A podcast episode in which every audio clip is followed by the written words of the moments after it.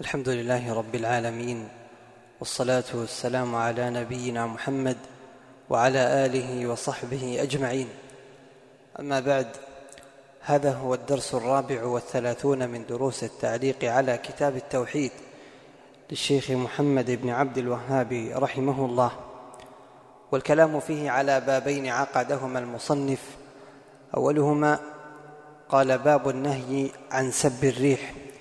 وذكر فيه حديث أبي بن كعب أن النبي صلى الله عليه وسلم قال لا تسبوا الريح فإذا رأيتم ما تكرهون فقولوا اللهم إنا نسألك من خير هذه الريح وخير ما فيها وخير ما أمرت به ونعوذ بك من شر هذه الريح وشر ما فيها وشر ما أمرت به.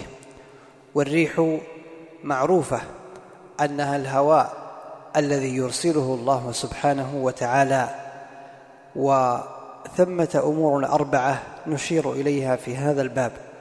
أولها هذا الباب أي النهي عن سب الريح هو داخل في ضمن النهي عن سب الدهر الذي سبق ذكره وإنما هو تخصيص بعد تعميم فالريح من ضمن ما يحصل في الزمن وفي الدهر وأكد عليها لورود نص فيها.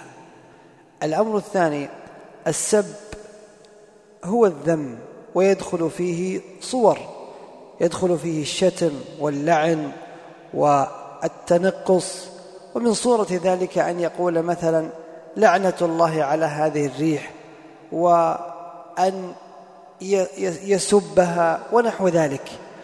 وهذا النهي عن سب الريح العلة فيه أو العلة في النهي عن سب الريح أمور. أولا لأن الريح من أمر الله ومن تدبيره. والله عز وجل حكيم لا يقدر على العباد ما فيه شر محض بل ما يأتي من الله إلا الخير. ومن ذلك الرياح. وكم في الرياح من نعم ومن منافع قد تخفى على العباد. ولذلك قال الشافعي رحمه الله ولا ينبغي لأحد أن يسب الريح فإنها خلق الله عز وجل مطيع وجند من أجناده يجعلها رحمة ونقمة إذا شاء. يجعلها رحمة يعني إذا شاء ويجعلها نقمة إذا شاء. فما دامت أنها من الله فأيقن أن في ذلك الخير والحكمة والمصلحة للعباد ولو لم تطلع أنت عليها. والأمر الثاني لأن سب الريح يؤول بالإنسان إلى سب الذي أرسلها وهو الله فالريح ليس بيدها شيء. وأنت حينما تسب الريح ففي حقيقة الأمر أنك تسب الذي أرسل الريح وهو الله. وقد روى الترمذي عن ابن عباس أن رجلا لعن الريح عند النبي صلى الله عليه وسلم فقال صلى الله عليه وسلم لا تلعن الريح فإنها مأمورة وإنه من لعن شيئا ليس له بأهل رجعت اللعنة عليه. الأمر الثالث مما يذكر في الباب النهي في الحديث عن سب الريح هو على وجه التحريم. وهنا نقول إن سب الريح باعتبار أنها سبب فإن هذا يعني باعتبار أنها مأمورة وأنها مخلوقة والذي يسيرها هو الله فهذا لا يجوز. وإن سبها باعتقاد أنها هي هي الفاعلة بذاتها فهذا شرك في ربوبية الله حيث اعتقد أن للريح تصريفا في الكون بذاتها.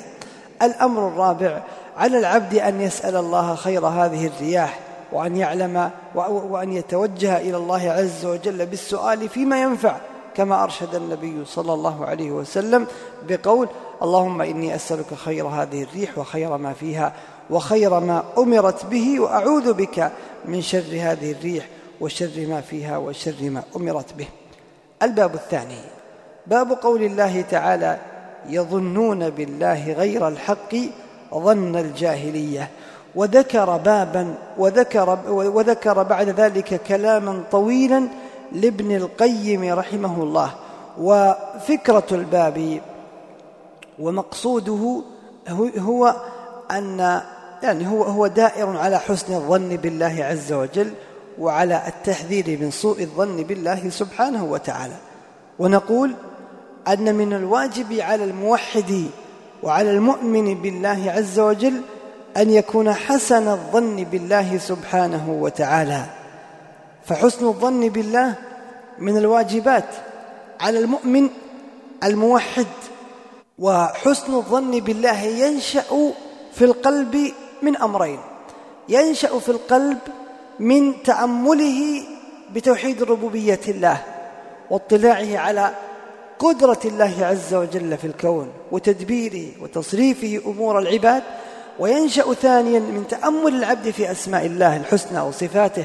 فالعبد حينما يتأمل صفة الرحمة صفة العلم صفة الحكمة صفة القيومية لله سبحانه وتعالى يعلم أن هذا الأم هذا الكون يسير بانتظام كونه يدبره الله سبحانه وتعالى الرحيم الكريم الرقيب آه، المدبر الذي لا تخفى عليه خافية الذي لا يعجزه شيء فهو هنا يحسن الظن بالله لأنه يعلم أنه ما يحصل من الله عز وجل إلا إلا الخير.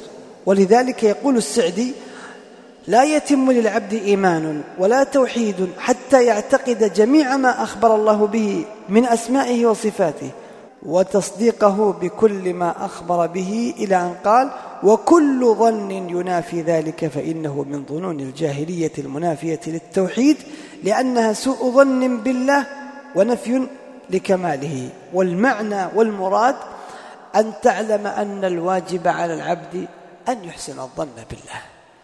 وبضد ذلك سوء الظن وسوء الظن بالله عز وجل من أشنع الأمور ومن أسوأ الفعال.